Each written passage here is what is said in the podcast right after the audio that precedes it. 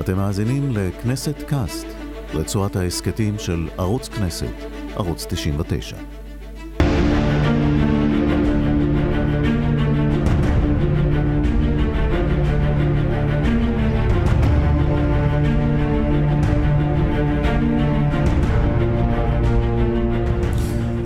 שלום לכם. מלחמות היהודים הוא שם אה, ספרו המפורסם של יוסף בן מתתיהו, יוספוס פלביוס, על אודות המרד הגדול שניהלו היהודים נגד הרומאים. והמסורת אה, תולה את תבוסתם של היהודים במריבות הפנימיות. אנחנו לווינו את השם מלחמות היהודים כדי להכתיר בו את סדרת ההסכתים העוסקת במריבות הקשות שניהלו היהודים בינם לבין עצמם כמעט מקדמוניות היהודים, כמעט מראשית ההיסטוריה. ובכל הסכת כזה אני, ירון לונדון, משוחח עם מלומד, מומחה, החוקר את נסיבותיה של המחלוקת הקשה. הפעם אנחנו נדבר על המהלך הארוך שבו נקבעו גבולותיה של המדינה. השיחה הזאת חורגת במידת מה מאלה שקדמו לה, מפני שהמחלוקת על תוואי הגבולות לא הגיע לקטטות בתוך הבית. המאבק העיקרי היה בין התנועה הציונית ומדינת ישראל לבין אחרים. בן שיחי הוא פרופסור יוסי בן ארצי מן החוג ללימודי ישראל באוניברסיטת חיפה, שתחומי התמחותו הם הגיאוגרפיה ההיסטורית של ארץ ישראל מאז המאה ה-19. הוא עושה גם בשימור אתרים היסטוריים וגיאו-אסטרטגיה. הוא היה רקטור האוניברסיטה, דקן הפקולטה למדעי הרוח, וכיום הוא מכהן כראש האקדמי של המכללות הצבאיות בגלילות. אז נתחיל בשמך, בן ארצי. בן, איזו ארץ אתה? ואומר, איפה נמצאת הארץ הזו מבחינה גיאוגרפית? במקרה שלנו היא נמצאת פה, זה ארץ ישראל, אבל הסיפור הוא מעניין, כי המשפחה שלי באה מבולגריה במקור, בצד אחד, הקימה מושבה קטנה בשם ארטוב, שנחרבה פעמיים ליד אה, בית שמש של ימינו. הרוב לא מכירים את הסיפור הזה. והסבא שלי, כשהוא הגיע, השם שלו היה פרנג'י. עכשיו, פרנג'י זה בדרך כלל כינוי לזר. אה, לצרפתי, זה בא מפרנק. כן, זה בא מפרנק, מהפרנקים, כן. מהצלבנים שהם היו הזרים. רק אחרי הכינוי הזה כן. התגלגל במישהו שהוא לבנטיני. כן, אבל האמת שזה לא נכון, כי... אה, אז קודם כל המורה אמר לו, תקשיב, אתה פה לא זר, אתה בן הארץ. אז אנחנו הבן הארצי הראשונים מתחילת המאה ה-20 כבר.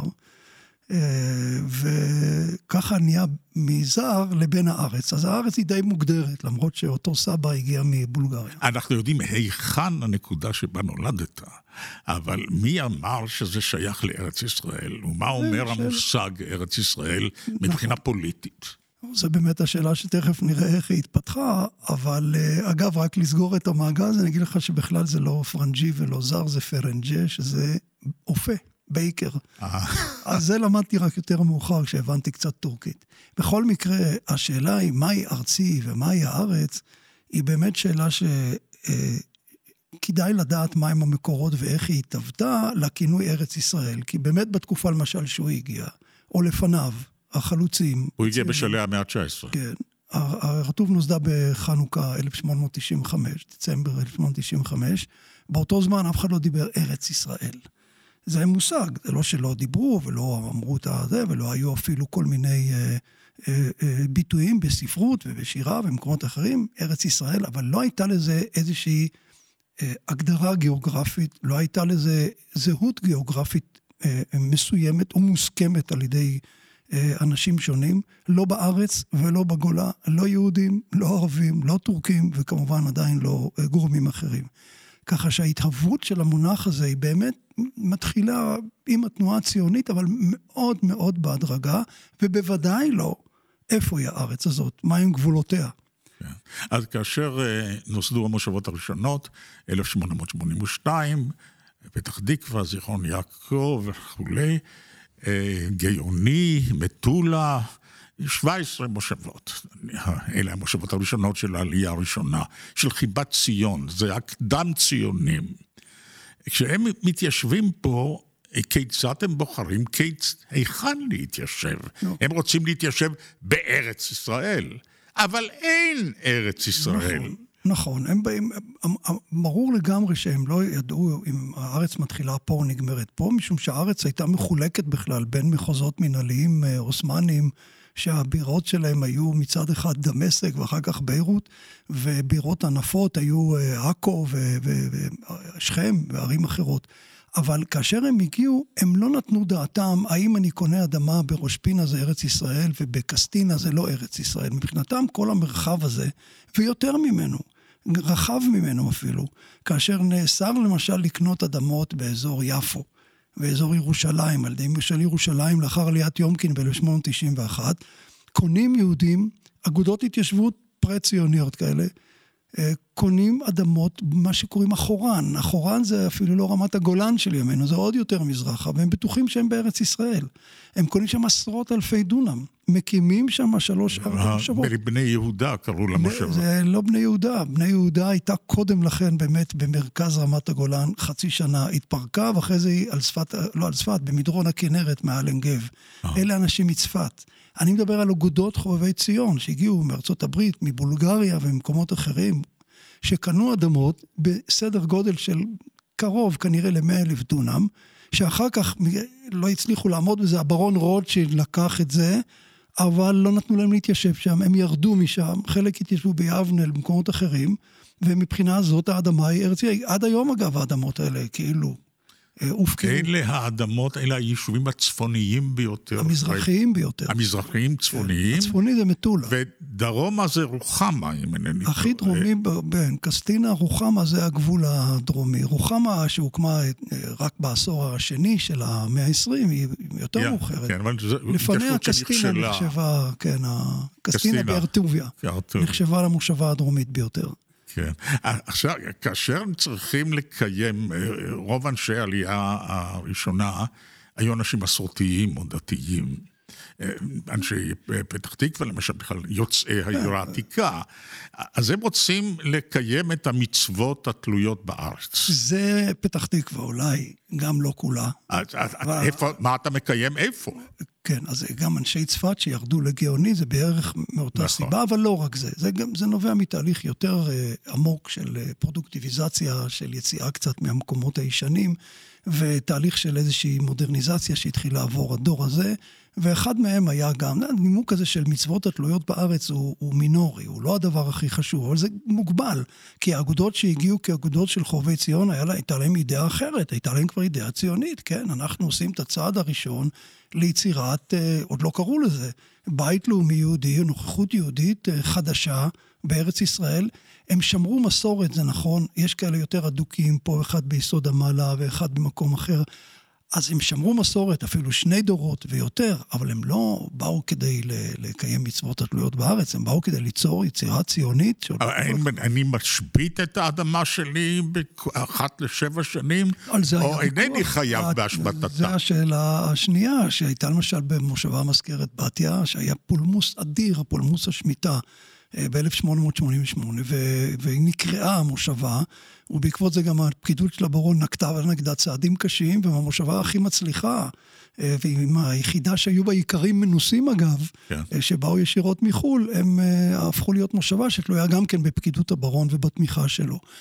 השמיטה, גם היא, התגברו על זה כמו שמתגברים היום בנושא השמיטה, כבר אז ידעו להתגבר על זה. ובאמת בעיני יהודים מסורתיים ודתיים, אז גבולות הארץ הם בכלל קשורים לאיפה מקיימים מצוות ואיפה לא. זאת השאלה. גבול עולי מצרים, או. גבול עולי בבל, yeah. כן. גבול כזה או גבול כזה, ועל זה יש להם ספרות אה, רבה yeah, מאוד. Uh, זה, זה לא שייך לרעיון הציוני בסופו של דבר. די מהר השלטונות העות'מאנים, השער העליון, כפי שזה נקרא, הבינו שההתיישבות הציוניסטית הזאת של המוסקובים, היא איננה בריאה להם. והם ניסו להגביל את אה, ההתיישבות בארץ, אבל היו לחצים של אה, יסודות פרו-ציוניים באירופה, האנגלים והצרפתים וכדומה, ובהדרגה היהודים מצליחים מעט מעט להתגבר על ההתנגדות הזאת. אז אם אנחנו יודעים היכן הטורקים אינם רוצים שהיהודים ישבו, מכאן אנחנו יכולים נכון. להסיק מה בעיני הטורקים הייתה ארץ ישראל. הטורקים לא, הטורקים, צריך להגיד העות'מאנים, כי העות'מאנים. השלטון העות'מאני לא כולו טורקי. השלטון העות'מאני לא בא להגדיר כך את ארץ, הוא, הוא חילק את הארץ לנפות מנהליות. נכון שירושלים, שהיה לה מעמד מיוחד גם בעיני השלטון העות'מאני, קיבלה מעמד של מחוז שכפוף ישירות לשער העליון, ובמחוז ירושלים, מסנג'ק של ירושלים, בדיוק, היה קשה יותר אה, בתקופות מסוימות נאסרה באמת גם העלייה וגם ההתיישבות, אבל בגליל ובמקומות אחרים לא הייתה אה, איזושהי אה, מדיניות קיצונית או נוקשה, והפעילות הציונית, הפרה-ציונית הזו, באותה תקופה הייתה חופשית למדי. השאלה הייתה לא איפה הטורקים מרשים או לא מרשים, אלא ממי אפשר לקנות אדמות. איפה אפשר לקנות אדמות. ולכן אתה מוצא את הפיצול העצום הזה כשפקיד שוסוביצקי בא לברון ואומר בוא נקרא את אה, שאנגרילה של הצפון, את אה, מטולה, שאולי לא יודע אפילו איפה זה, ובכלל לא אמר לו שזה כפר דרוזי, שצריך לסלק משם את האריסים הדרוזים, אבל באותו זמן ג'אבור בק מצידון מכר את האדמה. וכשאתה מסתכל על התפרוסת של היישוב היהודי, בארץ ישראל באותם שנים, המושבות האלה, רובם הגדול, כמו שהזכרתי קודם את אחרון, היה איפה שאפשר לקנות קונים. אה, אה, ואיפה שאפשר לקנות את זה, ביסס גם את התפיסה הזאת ארתור פין, שמגיע לייצג את המוסדות הציוניים ביפו, נדמה לי ב-1907, נכון? כן. והוא כלכלן. הוא מסתכל על זה... מה? הוא סוציולוג. סוציולוג, כן, הוא עסק כן. בשוקי ה commodities כן, באירופה. אז הוא חושב ככה, אה, בידי מי האדמות? האם זה אדמות פוריות שאפשר לעבד אותן? בסופו של דבר הם מתיישבים אה, בשפלה, בשטחים ששייכים לאדונים שבכלל לא מתגוררים בארץ. רובם. ש...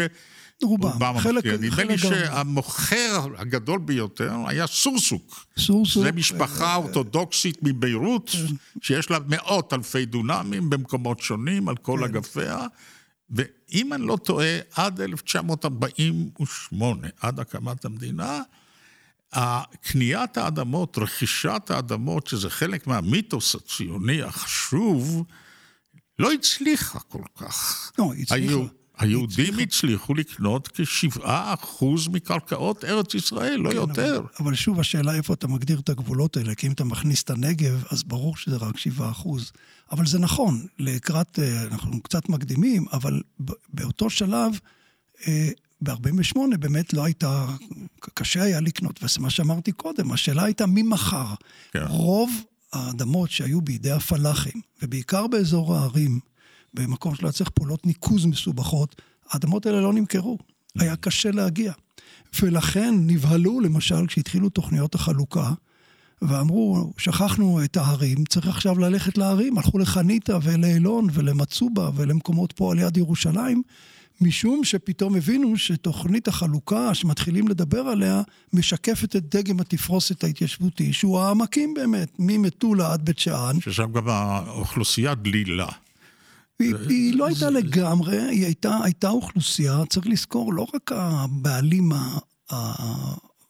הסורסוקים למיניהם, או חורי מחיפה, או דיק ביפו ואחרים, אלא גם השלטון העות'מאני העמיד אדמות למכירה. וכבר בשלהי המאה ה-19, וכדי להעשיר את הקופה שלו, כדי לה, לה, שלא יהיו אדמות אה, נטושות. גם, גם כדי לפצות את המלווים לקופת הסולטן. בין השאר, כן. חלק, אזרחים חלק... טורקים שהסולטן חב להם חוב גדול ושילם את זה נכון. באדמות. נכון, גם הממשלה העות'מאנית מכרה, אבל כן. היה, אבל זה היה בעיקר, בדרך כלל זה היה לחכירה לכמה שנים, אבל ההתיישבות היהודית רצתה להיות הבעלים, ולכן למזלנו הגדול, הברון רוטשילד היה מוכן לממן, גם לחברת איקה הוא מימן חלק גדול מהרכישות. הקרן הקיימת מתחילה לפעול, היא עושה מעט מאוד עד אז, והרבה אגודות התיישבות שקנו את האדמות. כל זה יצר איזושהי מפה היא לא מפת ארץ ישראל, אבל היא מפת ההתיישבות היהודית בארץ ישראל, שקראו לזה, הייתה אגב... הייתה לזה בסופו של דבר פעם מכרעת על, על החלוקה. על החלוקה. וזה... בוא נשוב לאחור, לפני מלחמת העולם הראשונה, כי אנחנו דילגנו uh, uh, קדימה. כאשר uh, נגיד הרצל, ואפילו קודמיו, אני יודע, פינסקר, מדמים בעיני רוחם את הארץ שבה ישבו היהודים, שבה תוקם המדינה, אפילו באלט נוילנד של הרצל. הוא צריך לשוות בדמיונו תמונה של מדינה, כפי שאנחנו רגילים לחשוב, איזה ציור, נכון? איזה ציור. אז יש, יש, יש גבולות התנ"ך, גבולות ההבטחה, זה מן הנילוס או מן הנהר הגדול עד הפרט, זה הגבולות, שחלק מהאידיאולוגים הערבים טוענים שמפה של זה נמצאת בכנסת, היא לא נמצאת. אה, אז זה מפה אחת, אחר כך יש גבולות השבטים, אה, לאן בני ישראל מתקדמים עם כיבוש כנען על ידי יהושע, ואחר כך יש גבולות של המלכים, אז הגבול נדמה לי המרחיק ביותר הוא שלמה, ואחר כך יוש... אה, אלכסנדר ינאי נדמה לי היה נכון. המרחיק ביותר, אז יש המון גבולות. אבל אז... הם, לא, הם לא חשבו ככה. הם לא, קודם כל פינסקר בוודאי שלא. הוא השתמש בביטוי הזה, אולי אה, ארץ אבותינו, זה ביטוי שהיה מקובל, אגב, זלמן דוד לבונטין, שמייסד את, את ראשון לציון, הספר שלו נקרא לארץ אבותינו, לא לארץ ישראל. וארץ אבותינו היא מאוד לא מוגדרת. משום ההיסטוריה... אז זה ארם דמשק, אני יודע, לבן הארמי חי אפילו אה, שם. כשאתה, ובאמת כשמתחילים לחשוב אה, בצורה יותר גיאוגרפית איפה הגבולות, מתחילים להופיע הביטויים האלה. מגבול הלבנון עד ים המלח, מדן ועד אה, באר שבע בהתחלה, אחרי yeah. כן. זה עד אילת, מהמדבר, מהים ועד, המד... ועד למשל הירדן לא נתפס כגבול של ארץ ישראל. הירדן, דווקא המורדות המזרחיים ואפילו במת ההר, העבר ירדנית, כן. היא נתפסה באמת כתוצאה מהגבולות העתיקים ההם. גם אחרי הצהרת בלפור, 1920, ת"פ, אה, זה המהומות הראשונות, מה שנקרא, המרד הערבי הראשון, האמבריו. שז'בוטינסקי עומד בראש חבורה שמגינה על זכותם של היהודים להתפלל מול הכותל, אוסרים אותו ואת חבריו, מכניסים אותם ל-15 שנות מאסר בכלא עכו. השנה היא 1920. ואז, כך קראתי, הבחורים יושבים על הרצפה, ובמה הם מבלים את זמנם? בין השאר הם כותבים פזמונים. ויש פזמון אחד שאני עוד שרתי אותו, אינני יודע אם עדיין שרים, כן, מדן, מנידת באר שבע, ממדבר עד ים. נכון. אלה הם הגבולות, דן, באר שבע, מדבר, זה כנראה, כן. זה כנראה עמאן, אזור המדבר. קו המסילה. קו המסילה של הרכבת החיג'אזית, נכון. עד הים. ואני ראיתי פעם מפה שהדפיסו בן גוריון ובן צבי, כאשר הם גלו בארצ... בארצות הברית בסופה של מלחמת העולם הראשונה, הם מפרסמים ספר, נדמה לי ביידיש, ספר הדרכה לילדים יהודים באמריקה, ושם נתפסת מפה. והמפה הזאת היא מפה רבועה, לא מפה ארוכה, אלא רבועה. נכון. כלומר, עד, עד באר שבע, מדן כן. באמת, ועד מסילת הברזל. כן, כן, המדבר היה לא נתפס עדיין, אפילו לא אצל בן גוריון, שהיטיב לראות את חשיבות הנגב ואילת באותה תקופה. המדבר היה שטח שאי אפשר להגיע, אי אפשר להתיישב, והוא לא היה חלק מה... הייתי קורא לזה הפרספציה של אה, מראה ארץ ישראל. יש, אבל אפילו דוגמאות יותר קיצוניות, שאנשים שהגדירו את גבולות הארץ שמתחילים בכלל בטריפולי על קו החוף בוויסוצקי למשל. כן. כבר ב-1884 הוא אומר, בואו נתחיל פה. זה הבעלים של חברת התה. נכון. הוא... מיליונר יהודי. כן, שנשלח על ידי, לאחר ועידת קטוביץ', לראות מה קורה פה במושבות, רצו משלחת, לא היה כסף, כן. הוא נסע לבד, הוא הוציא ספר יפה מאוד, שנקרא קבוצת מכתבים לאנשים ידועי שם בענייני ארץ ישראל.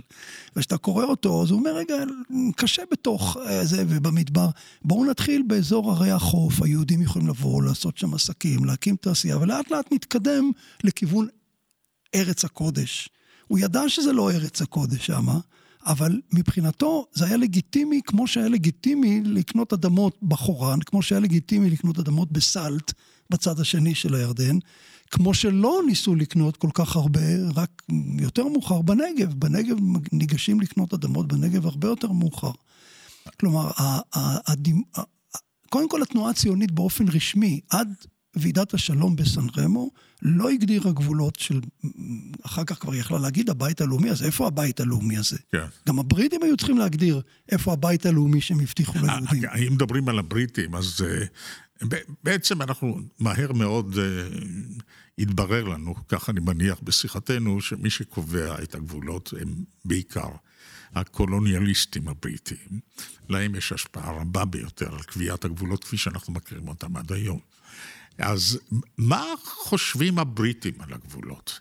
הרי הם, הדמיון הבריטי הרומנטי, של מסקוט או דיזראלי, או זנגוויל הסופר היהודי, שהוא איש, דמות חשובה בתוך ההסתדרות הציונית של הרצל, יש להם דמיון ספרותי.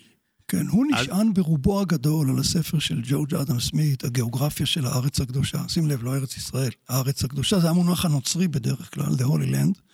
זה מופיע ברוב ספרות הנושאים הלא יהודים והלא מוסלמים. במאה ה-19? גם לפני, כן, אבל במאה ה-19. הספר שלו, שיצא בעשרות מהדורות ונחשב בעצם לספר על הגיאוגרפיה של הארץ הקדושה, הספר שלו רואה את ארץ ישראל פחות או יותר מאזור דרום הלבנון, דרום על הליטני, אותם גבולות של בסופו של דבר, ואחר כך לאורך המורדות המזרחיים של הירדן, ולאחר מכן בואכה ים המלח והנגב, זה פחות או יותר הגבולות שגם אה, ראשי הממשל הבריטי בסופו של דבר הנחו אה, בוועידת השלום לקבוע את גבולה אה, של ארץ ישראל, וגם שם מופיע המונח מדן ועד באר שבע.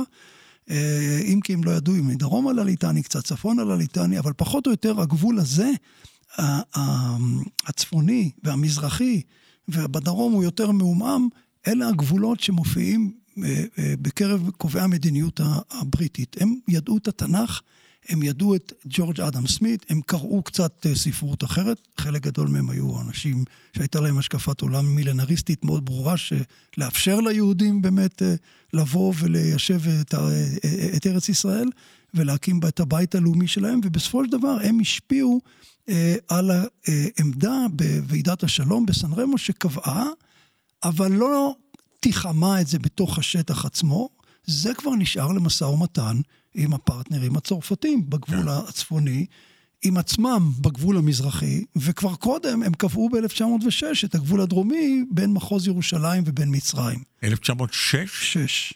ב-1906 התחולל משבר עקבה, ככה הוא נקרא, שניזום על ידי השלטונות הבריטים במצרים. במצרים. בעיקר התפיסה הייתה הגנה על תעלת סואץ והרחבת הכתפיים של מרחב ההגנה בעיני אנשי צבא, וככה הם דוחקים, והטורקים, למזלנו, אני מוכרח לומר, למזלנו, הטורקים שירתו היום את האינטרס הישראלי של ימינו, הם דוחקים דרומה ומתעקשים שהקו יכלול למשל לא את כל ראש מפרץ עקבה בצד המצרי, אלא שהוא ירד עד טאבה, עם אה. כל הוויכוח הקטן. אז קו רפיח טאבה, שנגמר בסוף אותו משא ומתן, נקבע ב-1906. וזה היה כבר גבול בין מצרים ובין, אגב, לא ארץ ישראל ולא שום דבר אחר, ולא טורקיה, אלא מצרים ומחוז ירושלים, סנג'ק ירושלים. סנג'ק ירושלים. ככה זה נקרא. אז זה הגבול שבעצם קיים, זה הגבול פחות או יותר שחזרנו אליו ימינה ושמאלה, מלחמה בעד מלחמת העצמאות, במלחמת סיני.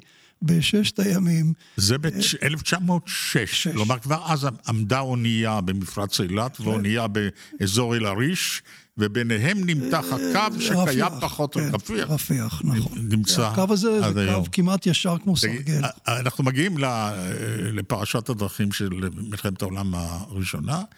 אה, נכון שמדברים על, אה, על מתן אה, זכויות בארץ ישראל כבר במהלך המלחמה, כי הבריטים והצרפתים וגם האיטלקים שהיו לצידם, וגם הרוסים, רוסים. מעריכים שהאימפריה העות'מאנית תתפורר, ואז יש לדבר על חלוקת הנחלות הענקיות כן. האלה של ה...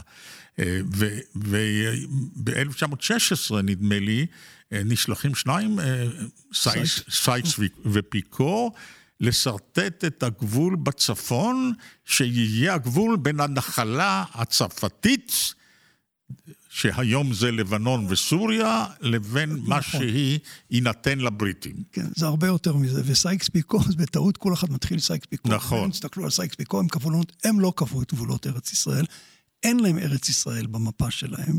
הם קבעו באמת יחד עם... ההסכם הוא של ארבעה שותפים, אה, בריטניה, צרפת, איטליה ורוסיה. כשהאינטרסים האיטלקים הם לא פה, הם באזור אה, האיים, בים ובאזור אה, מה שנקרא לזה מערב טורקיה. הרוסים יש להם בעיות באזור ארמניה ובאזור הים השחור, וכמובן חופש התעלה, חופש השיט בבוספורוס, זה האינטרס הרוסי. הבריטים והצרפתים חילקו ביניהם את המרחב הזה, שבו נגיד כיום הוא מגבול טורקיה בדרום ועד uh, כמעט סוף ירדן, הם קבעו אותו כאזור השפעה צרפתי, אזור השפעה בריטי, אזורים שהם שלטון ישיר של שניהם, ובתווך גם ארץ אזור בינלאומי שהוא פחות או יותר מעכו עד uh, קסטינה, פחות או יותר. ואגב, בתוכו מפרץ חיפה הוא בריטי, כי כן. לבריטים היה אינטרס במפרץ חיפה. בנמל. מ-1906, עוד לא היה נמל אפילו. זה היה מפרץ ומעבר יבשתי נוח, ולכן הם שומרים לעצמם, אגב, למה? משום שגיאוגרפיה זה הנתיב היבשתי הנוח ביותר מהים התיכון לים הערבי או למפרץ הערבי, כחלופה לתעלת סואץ. כאילו חלופה כן. יבשתית לתעלת סואץ. זה האינטרס הבריטי. ואחר כך הם צריכים, אה, כעבור שנה, כבר הרוסים עומדים שהם מחוץ לזה וחושפים את ההסכם הסודי הזה. ומתחוללת מהפכה ברוסיה. וכן, בגלל המהפכה הם אמרו, השלטון, הנה תראו את המושחתים האלה, תראו את ההסכם שלהם. ואילו האיטלקים כבר לא היו גורם משמעותי, ובסוף המלחמה גם הצרפתים לא היו גורם משמעותי. לא פה. הם היו גורם משמעותי במקומות אחרים, ושתי האימפריות האלה מסתכלות על הגלובוס, לא על חיפה ותל אביב, הן מסתכלות על הגלובוס ויש להן פשרה באפריקה, בעיראק, בנפט, במקומות אחרים, ולכן גם הם עושים ביניהם את המשא ומתן הסופי, הגבול הסופי של ארץ ישראל, מה שהיום סוריה, ישראל או לבנון ישראל, זה כבר משא ומתן ישיר, סייקס פיקו כבר לא היו בכלל בקטע הזה, בסופו של דבר זה שני קצינים בשם ניוקום ופולה. אפשר לקרוא לזה קו ניוקום פולה ולא סייקס פיקו. אבל הדבר החשוב פה להבין זה שבאמת משחק האימפריות והאינטרס הבריטי הם שקבעו, כולל השאלה איפה, כמה לוותר בצפון, איפה להגן על תעלת סואץ, מאזור אה, דמשק, מאזור לבנון, או אפשר לרדת, הם ירדו אפילו עד קו ראש פינה בשלב מסוים. הם אפילו ויתרו על חצי מהכנרת בשלב מסוים. ואז עשו איזשהו שינוי. הייתה איזו ג'נטלמניות אה, נחמדה, אה, שבה התייחסו הבריטים לצרפתים. ברור היה לגמרי שהכובשים, הכובשים זה הגנרל אלנבי הבריטי, הצרפתים אין להם כמעט משמעות. לקראת סוף המלחמה, אם אני לא טועה, אז הצרפתים יזמו איזה מבצע באזור ששם כן. נמצא הצבא הסובייטי, היום ברוסיה, נכון. הצבא הרוסי, לא הסובייטי. כדי להפגין שגם להם יש יד בכיבוש השטחים האלה. אבל הבריטים היו נורא נחמדים לצרפתים. ובוודאי בתחומי, בתחום כן. שלנו, משום שפה הייתה מכל הצבא האדיר של אלנבי, של עשרות אלפי אה, לוחמים, יותר, הייתה בקושי, אפילו לא דיוויזיה, פחות מזה צרפתית. אפשר היה לנפנף אותה, זה לא הבעיה, אבל יש להם אינטרסים של... אה, זה גיאו-אסטרטגיה, הם מסתכלים יותר גדול כן. אה, איפה הגבול בדיוק של ארץ ישראל. כן. אז, אז דיברנו, הזכרת את ועידת סן רמו, זאת הוועידה ש, של המנצחים אה, במלחמת העולם הראשונה, ושם אה, מציגים את הצגה, הצהרת בלפור, ומנסים לתת לא, לה איזה תוקף. בלפור כבר היה ב-1917. כן, ניתן, אבל, אבל עכשיו, פה, פה מאשר, מאשררים כן, אותה. נכון. צריך לאשרר אותה. נכון. אה, וזה הישג עצום של הציונות כמובן, הפעם הראשונה שהעם היהודי בכלל יש לו נציגות, זה מתחיל עוד בפרשת אה, אוגנדה, קודם לכן, בתחילת המאה. פעם ראשונה היהודים עומדים גם בפני הרוסים וגם בפני האנגלים, והרצל מצליח לקבל מידיהם הכרה בעצם הייצוגיות של, ה... של הקונגרס היהודי העולמי. שאנחנו שחקן בעולם, הציוני. שחקן פוליטי בעולם. לפני זה אף אחד לא התייחס ליהודים, מה פתאום יהודים?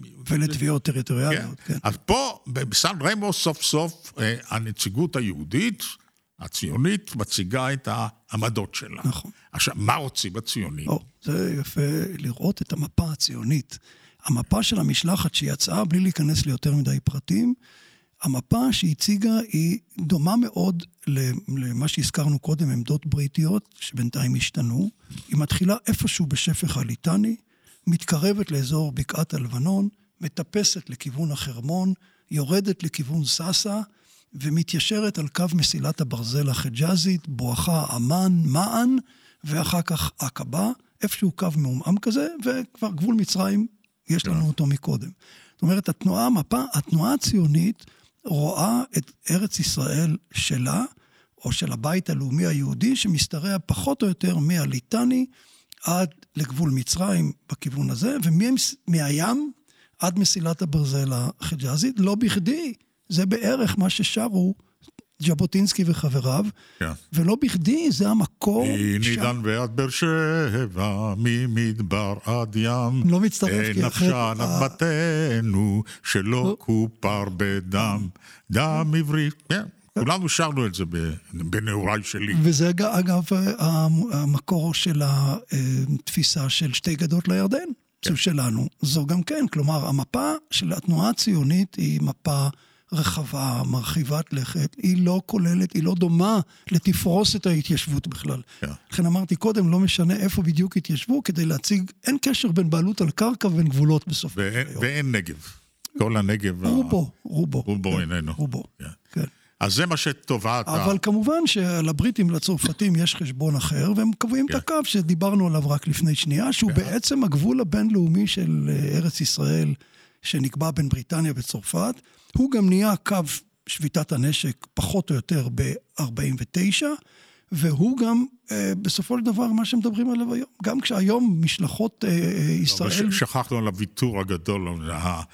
על האילוץ הגדול של וינסטון צ'רצ'יל. כן, זה... שמוותר ש... על... מיד, אגב, מיד שנה לאחר מכן, ב-1921, קורע צ'רצ'יל לכאורה את ארץ ישראל המזרחית מהגבול הזה של המפה הציונית. זו הקריאה הגדולה. או הבגידה הגדולה, וארץ ישראל המזרחית. כדי לקיים התחייבות אחרת לערבים, שיש לבריטים. לערבים. הבריטים הסתמכו בהמון מחויבויות בתקופת מלחמת העולם הראשונה, אז חייבים גם נכון. לשריף של... של ג'דה שם, של מכה, של מכה, אה, אה, כן, איזושהי נחלה. מסתבכים איתו מאוד, הם מקימים אה, כתוצאה מזה כמה גם מעבר הירדן וגם עיראק. ונותנים לו את עיראק ונותנים לו את. כן. אבל אה, זה, אז אה, ווינסטון צ'רצ'יל עושה את העוול הגדול, ולמרות היותו פרו-ציוני מובהק, אני חושב. אה, אז הוא מוותר. ו- וכך הופך בעצם הירדן לגבול לגבולה המזרחי של, נכון. של ארץ ישראל. נכון. באמצע הירדן ובאמצע הירמוק. אגב, להבדיל מהגבול בין הצרפתים וארץ, ובין סוריה וארץ ישראל, ששם כל הירדן נכלל בארץ ישראל המערבית. הבריטים פה הגנו שוב על האינטרסים של ארץ ישראל המערבית, לאו דווקא ציונים, אבל ארץ ישראל המערבית, כדי שכל המים של הירדן יהיו בנחלתה, מה שהביא לימים לאפשרות להוציא את המים האלה, או לחשוב על הטיית הירדן לכיוון אה, אז, המוביל הארצי. בין כל השיקולים, היה שיקול... אי אפשר, אי אפשר לשלול את זה. שיקול היסטורי, העובדה שהבריטים הם פרוטסטנטים והתנ"ך זה כתבי, חלק mm-hmm. מכתבי הקודש שלהם, ויש איזו פנטזיה על ארץ ישראל מקראית, יש אהדה גדולה. יש גם אנטישמיות, אבל יש גם אהדה גדולה. יש אינטרסים בינלאומיים ומקומיים. הבריטים והצרפתים רוצים לשלוט בתעלת סואץ, היא שלהם, הם קנו אותה, הם חפרו אותה, הם רוצים לשלוט, רוצים פה איזו הגנה, אז יש להם עניין, או לפחות לאסטרטגים בריטים אחדים, שתהיה פה איזו מושבה יהודית וסאלית של בריטניה ותשמור להם על התעלה. כן, זו הגדרה מרחיקת לכת, כן, אבל... זה הדרך להודו. כן. זה הדרך להודו, זה חשוב להם. ויש שיקולים כלכליים, מה נכון מבחינה כלכלית כמדינה. אז מכל השיקולים האלה, אה, אה, ת, ת, ת, תן להם את המשקל הנכון. השיקול המרכזי היה ליצור גבול, בשלב הזה של 1920-21, כן. השיקול היה ליצור, קודם כל לאזן את האינטרסים הצולבים שלהם בין הבית הלאומי היהודי ובין הממלכה הערבית שהובטחה לפייסל אה, בדמשק, ושם פתאום הופיעו צרפתים, אז צריך היה גם לפצות אותו. ואת הדבר הזה היה צריך לסדר איכשהו על המפה. כאן נכנסו שיקולים שהם חלקם טופוגרפיים, גיאוגרפיים, איפה נכון להניח, איפה נכון לגמור את ההגנה על מצרים או על ארץ ישראל בצפון, איך להסתדר עם הצרפתים באזור הגולן ובאזור אה, לבנון, ואחר כך, כתוצאה מהעניין של ההסתבכות, איך לסדר את העניין של אה, עבר הירדן בין, בין אה, עבדאללה ובין פייסל, שזה בכלל עניין פנימי בתוך המשפחה ההאשמית. זה בעצם המוטיב המרכזי שסידר את הגבול הזה בצורה... אבל בהחלט היו שיקולים אה, אחרים שהם כלכליים, הידרוגרפיים, כמו במקרה של הירדן שהזכרתי, להבטיח את המים. אגב, גם הגבול עם לבנון, שהם קבעו עם הצרפתים, סידר שזה יהיה כמה שאפשר על קו פרשת מים, הנחלים שהולכים דרומה יהיו בצד הזה, ושם היה גם גורם אתני, למשל, ש... או. שהשיעים יהיו ככל היותר בצד הצפוני, ולכן לא הליטני דווקא. קראו להם הקו- שיעים או מתואלים, או עוד לא... שיעים, מתו- זה אוכלוסייה שיעית כן, שמחפשים שיעים. אותה היום. עכשיו, כשנסראללה, אפרופו, מזכיר את אה, שבעת הכפרים השיעים, כן. שעד שהוא לא יקבל אותם לא יהיה שלום או לא, לא יהיה הסדר עם ישראל. מה זה שבעת הכפרים כן. לא, אלה? זה כבר תוצאה של 48. כלומר, כשקבעו את הגבול, את גבול הצפון לפי שיקולים, כפי שאמרתי, טופוגרפיה, נחלים, תצפית, שליטה, והכנסת כל המים של עמק הירדן הצפוני, מה שקוראים, איך נוצרה אצבע הגליל, כי בנבי יושע הם פתאום עושים סיבוב לכיוון משגב עם ומטולה, לא בגלל טרומפלדור ותל חי, הם עושים את זה כדי שכל המים והשליטה על עמק החולה יהיו בידיים של הצד המערבי, במקרה הזה שלהם. אבל אי אפשר לעשות את הגבול כל כך מפותל סביב כפרים, אז נשארו גם שבעה כפרים שיעים מדרום לקו הזה. כן. אה, אה, יש לנו יותר משבעה. ומה קרה, מה קרה לתושביהם? ורובם, חלק, נש... כאילו, ב-48, הם אה, הלכו צפונה, גירשו אותם כן. למעשה צפונה, חלק הלכו, חלק גורשו. נקבעו הסדרים, אגב, שיאפשרו להם לבוא למקומות הקדושים, למשל לחצות באזור יפתח ולהגיע לנבי, לנבי יושע, לנבי, לקבר. כן, רבים. לא יודעים את זה, אבל עד היום מתחת למנרה, רמים, יש איזו מובלעת קטנטנה, בהר? מדהימה אגב, וזה כמעט אנומליה, זה נראה מוזר, יש שם איזה קדוש, כן, קדוש גם ליהודים מסוימים, ועליו יושב מוצב של צה"ל. ועליו יושב מושב של צה"ל, כן, ופותחים את השער כדי לאפשר לנו לבוא מהצד השני. כן. זה היה יותר מסודר אחרי 48 לגבי נבי יושע, וזה זה בסיס התביעה שלו. אין לה... בסדר, הוא... זה, זה, זה דומה לתביעה של הפלסטינים אולי לעוד 400 כפרים בארץ ישראל. עכשיו, עכשיו אה, בעצם מה, מה נותר לנו עוד? אה, מה שישראל השיגה במלחמותיה. ובששת הימים כמובן זה היה, היו, היו כל מיני מחלוקות אחרי עם ירדן, העניינים האלה סודרו, אה, חלוקת הארץ במזרח, אבל 67, אה, ש- קודם כל 48. היה, היה איזה הסדר, איזו הבנה עם אה, מלך ירדן, עבדאללה, שהצבא, הליגיון הבריטי, כך קראו לו, כי הצבא הירדני היה בפיקודם של קצינים בריטים, התקדם עד מקום מסוים במערב, ושם ייעצר. כן, זה, זה נכון בחלקו. זה נכון בחלקו, כי, כי למשל כשמסתבך העסק בסוף המלחמה דווקא, באוקטובר 48, אה, וסביב ואדי ערה, יש... משא ומתן עם ירדן מתעכב על הסכם שביתת הנשק, אה, יש תוכנית לכיבוש אה, שטחי יהודה ושומרון. אה, אולי רק לאיים, אבל יש תוכנית, ולא בטוח שהיא לא הייתה מתממשת. היו בתוך צה"ל כאלה שרצו כמובן לעשות, כבר צה"ל, רצו לעשות אותה. צריך לזכור... וכיוון שבן גוריון לא הסכים לכך, שהוא המצביא, יגאל אלון אומר, זה בקשר... זה, ל... זו הבכייה לדורות. זה כבר בקשר לגוש עציון ול... כן. תראה, הג'יפים של אה, חטיבת הראל עמדו ארבעה קילומטר מגוש עציון, ולא יכלו לכבוש אותו בנסיעה. אבל אה, משום השיקול המדיני, מה, גם המדיני, גם המצב בכלל של ישראל בסוף המלחמה בעולם, מה, מה השאיפות בסוף המלחמה של המדינה זה כבר לבנות אותה בעצם, לקלוט עלייה, ל- ל- ל- להתחיל לבנות את המדינה ולמסד אותה ולהגיד לעולם, הנה, אנחנו מדינת ישראל, וליישב, זה כבר גובר על האינטרס הביטחוני השוטף או, או הצבאי. אבל היה עוד... צריך לזכור כן. ששלב קודם לכל העניין הזה, שאתה קשור לעניין מלחמות היהודים, שאמרנו שהיהודים רוב הזמן לחמו כלפי חוץ או עם כוחות זרים לעיצוב הגבולות, בכל זאת הייתה גם מלחמת יהודים קטנה לגבי תוכה של ארץ ישראל. ירושלים. שהיא, לא, אבל גם כל, כל נושא תוכניות החלוקה. כן. כי זה כבר מעורר באמת בעולם הציוני, מימין ומשמאל, כל הכיוונים, פה זה כבר מתעורר ב-36 וב-37. וכשבן גוריון וחבריו מסכימים לחלוקה, זה לא רק ז'בוטינסקי מתנגד, זה גם טבנקין מתנגד. והסוגיה הזו מלווה אותנו עד היום. כן. כלומר, איפה ארץ ישראל אנחנו כבר יודעים, אבל איפה מדינת ישראל, אנחנו עוד לא יודעים, ולפחות בתוך גבולותיה של ארץ ישראל. כן. זה עדיין בתוך אבל מלחמות עוד- יהודים. עוד- תיקון אחד לצידם של המקסימליסטים, זה מה שקרה בוואדי עארה, כי שם ישב חיל המשלוח העיראקי. כן. ובעצם כל יישובי ואדי עארה, לפחות אלה שממזרח לכביש, היו צריכים להיכלל בגבולותיה של המדינה הערבית, ב- בירדן. אבל אנחנו השגנו אה, כמה כפרים שאני ביקשתי לראות את ה... ביקשתי, ביקשתי מעצמי, כלומר, אה, לראות מה היה שם.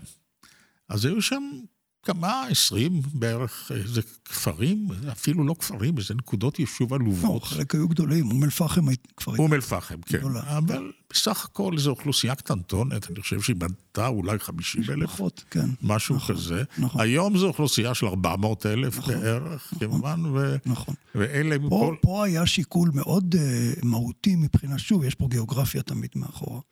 Uh, הדרך הנכונה מצפון ארץ ישראל למרכז ארץ ישראל עוברת בוואדי ערה, מקדמת דנא.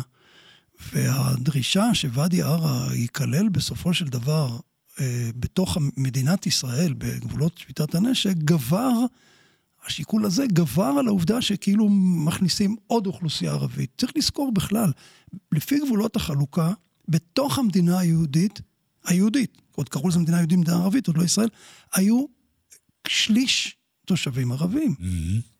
אה, המענה הציוני, אגב, לזה לא היה טרנספר או משהו כזה. לא ידעו מה יקרה במלחמה, המענה אמר, כן, אנחנו נבלע את זה עם העלייה.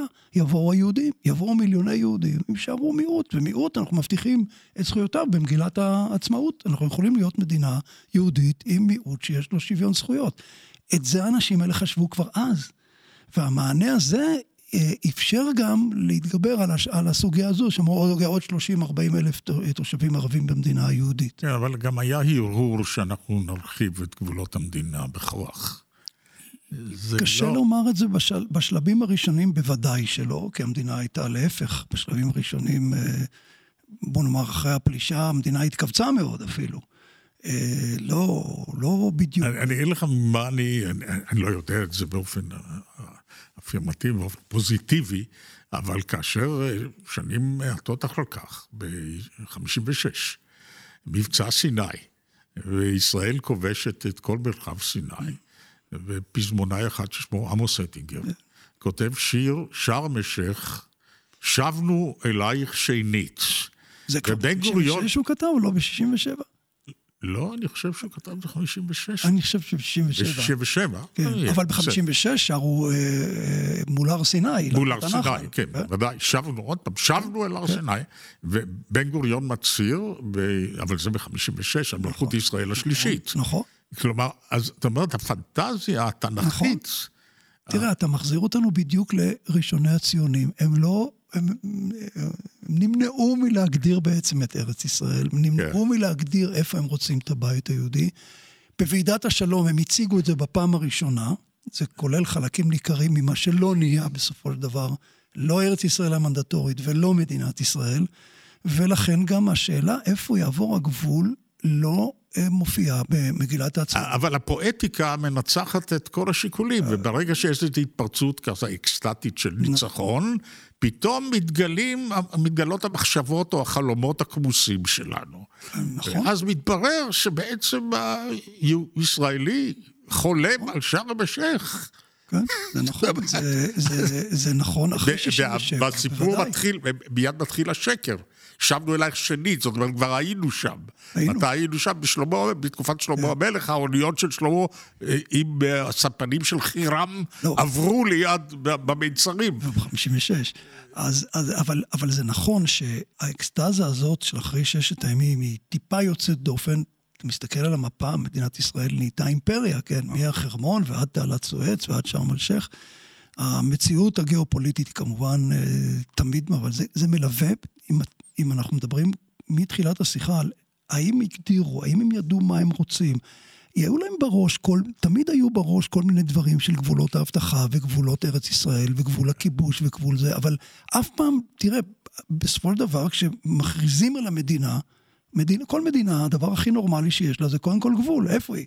ואת זה מדינת ישראל עד היום לא אומרת איפה יהיו גבולות כן. המדינה. אה, תראה, אנחנו כמה ימים לפני הבחירות, ואינני יודע אם השיחה שלנו... ועוד בכנסת. ובכנסת, ואני לא יודע אם השיחה שלנו תשודר אחרי או לפני, אבל נניח שהימין יעלה לשלטון. יהיה לו משמעות. והאנשים בימין, בעיקר האגף הקיצוני שלו, לא מסתירים כלל את מחשבותיהם. הם חושבים שירדן זה ויתור מיותר כמעט, ממלכת ירדן. או... אני חושב שזה בא ממקום אחר, זה עוד אריק שרון התחיל, זה לא... אפשר לדבר על זה, כי זה כבר היסטוריה. אה, הוא, הוא דיבר על זה בצורה גלויה, אבל זה נכון שיש הרבה ישראלים ש... ירדן היא המדינה הפלסטינית, בעצם אין בעיה, בואו נפתור את זה שמה, וניצור איזה יחסים בין לבין, וכאילו פתרנו את הבעיה. זה דבר שקיים בפוליטיקה הישראלית הרבה מאוד שנים, הוא הולך אחורה. אה, אפשר להגיד אפילו עד 49 באמת, אה, במשא ומתן עם עבדאללה. אבל בסופו של דבר, היכולת לקבוע ולשנות במו ידיך, כמו שאנחנו רואים לאורך כל השיחה, היא מאוד מוגבלת גם למדינה חזקה כמו ישראל, ובסופו של דבר צריך להביא הרבה מאוד אה, אה, נימוקים מאוד חזקים כדי ליצור איזשהו שינוי אה, בגבולות, וצריך לזכור שגם הימין, כפי שאתה קראת לו, בסופו של דבר, בראשות מנחם בגין ויתר על כל סיני, אותה סיני, אותה שארם א-שייח, ויתרו עליה למען יעד אה, אסטרטגי והיסטורי יותר גדול, וזה אה, שלום עם אה, שכנותינו. צריך לזכור שכמעט כל המשאים ומתנים עם סוריה, שניהלו מימין ומשמאל, חמש ממשלות או שש ממשלות, מרבין ועד אה, נתניהו הגיעו בסופו של דבר לקו שהבריטים והצרפתים קבעו אותו, תיקון ימינה, תיקון שמאלה. צריך לזכור שהגבול עם לבנון, שגם עכשיו עשו מזה הוא הגדול, ויתור על איזה מים שבכלל 200 קילומטר מגבול ישראל, גם הגבול הזה זה הגבול שהצרפתים והבריטים קבעו אותו. כלומר, נשאר לנו עניין אחד גדול, וזה לא איפה ארץ ישראל, אלא איפה מדינת ישראל, וזה עדיין פתוח. כן. בעיקר בצד המזרחי של הגבול. לא, בצד של תוך ארץ ישראל. של תוך, כן, הצד, כן, תוך ארץ ישראל מצידה כן. המזרחי. אני רוצה לקרוא לך, ונעשה איזה הפסקת נשימה, אה, שיר שמצאתי על גבול. הגבול זה עניין מעניין, הרי הוא קיים רק בדמיון במידה רבה. מסמנים אותו בדגלים, אבל במשך השנים האוכלוסיות משוות בדמיונם צורה של ארץ. והם בדרך כלל הם סבורים שחלק ממנה נגזל על ידי השכן. כל שכן חושב שחלק ממנה. אבל יש אה, משורר אחד ששמו אלברטו ריוס, הוא משורר מאוד ידוע בארצות הברית, הוא זכה בהרבה מאוד פרסים, והוא אה, כנראה ממוצא מקסיקאי לפי שמו, והוא התגורר ליד הגבול שבין אריזונה לבין ריו גרנדה לבין הגבול המקסיקאי, וזה טבע את חותמו על שירתו, השכנות הזאת לגבול, טבעה את חותמה.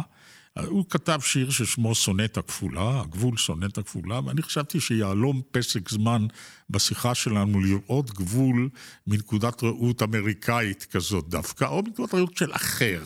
ואני תרגמתי בתרגום חופשי כמה פסוקים משלו. הגבול הוא קו שציפורים אינם רואות. הגבול הוא דף מגוהץ מקופל ברשלנות. הגבול הוא חגורה מהודקת מדי, מקשה על הנשימה. הגבול הוא ברך שיחלידה, מסרבת לכיפוף. הגבול הוא כריש דם בעורק הנהר. הגבול מצווה על הרוח, עצור, אבל הרוח דוברת שפה אחרת וממשיכה בדרכה. הגבול הוא חבל קפיצה מושלך על האדמה בתום המשחק. הגבול הוא סדק אמיתי בסכר מדומיין. גבול נחרז בכבול, במיוחד במקום הזה. טוב, פה מצאתי מילה מקבילה, לא הייתה מילה כזאת באנגלית. הגבול הוא בית מלאכה המייצר רעמים וברקים. הגבול הוא הליצן לולו, שאינו מצחיק איש. הגבול הוא בואש מסריח, אשר קו לבן מקשט את פרוותו. זה יפה, נכון? זה שיר, זה סונט כפולה כן. מאת רוברטו ריוס. מה אתה מציע, איך לסיים איזה מילים כאלה שמתאימות לסיום? מה קרה בין ועידת סן רמו לבין מלחמת, אה, קרה? מלחמת ששת הימים, זה סיכמנו. אז בסדר, אז אפשר להסתפק במה ששוחחנו עליו, והשארנו את... אה, השיר אולי, הזה- אולי נפסיק, אתה יודע מה... השיר הזה הוא טוב לסיום. הוא, הוא טוב לסיום, אבל אני, אני רוצה לגמור דווקא בקופסת קרן קיימת. בבקשה. אה, בכיתתך הייתה עדיין קופסת קרן קיימת? ודאי, מה זה בכיתתי? אפילו אצל הילדים שלי עוד היה. כן, עדיין יש קופסה, כן. ועליה זה- ציור של... מלא קופסאות כאלה, הם עברו כל פעם גם שינויים. או, אז על קופסת הקרן הקרן, קופסת פח. נכון. שכל ילד ציוני, אולי כן. גם ילד ערבי במדינת ישראל, אה, לקח עש- עשר אגורות, או פעם זה היה גרוש. עשר, כן. עשרה גרושים לתרום. אה, מה צויר עליה? ש... זה, זה באמת שאלה מאוד טובה, על זה כתבו, אה, כמו שעל נושא הגבולות, כתבו אחדים מעמיתיי המלומדים, כמו גדעון ביגר ואחרים. גם על הנושא הזה כתב פעם גיאוגרף בשם יורם ברגל ספר שלם על התעמולה הציונית בדרך הקרן הקיימת, דרך כל ההיבטים של התעמולה שלה, והקופסה שעליה מצוירת המפה היא בעצם מין ארץ ישראל עמומה מאוד, שלפעמים, לא בכל קופסה זה אותו דבר, יש עליה את הכתמים החומים של הרכישות של הלאום של האדמה, והם בעצם אותו אין התיישבותי שבסופו של היום הביא לתוכנית החלוקה. זאת אומרת, הקרן הקיימת... אה, היא לא ידעה שהיא... היא לא ידעה שהיא מסמנת את זה, אבל היא, אה, והיא קנתה אדמה בכל מקום שאפשר היה כמובן, אבל אה, הגבול הוא מאוד עמום שם. אתה רואה את הירדן, אתה רואה אפילו את החולה בחלק מהזמן, הכנרת, את ים המלח, אבל אתה לא רואה גבולות מדיניים. תודה רבה לך. תודה לך.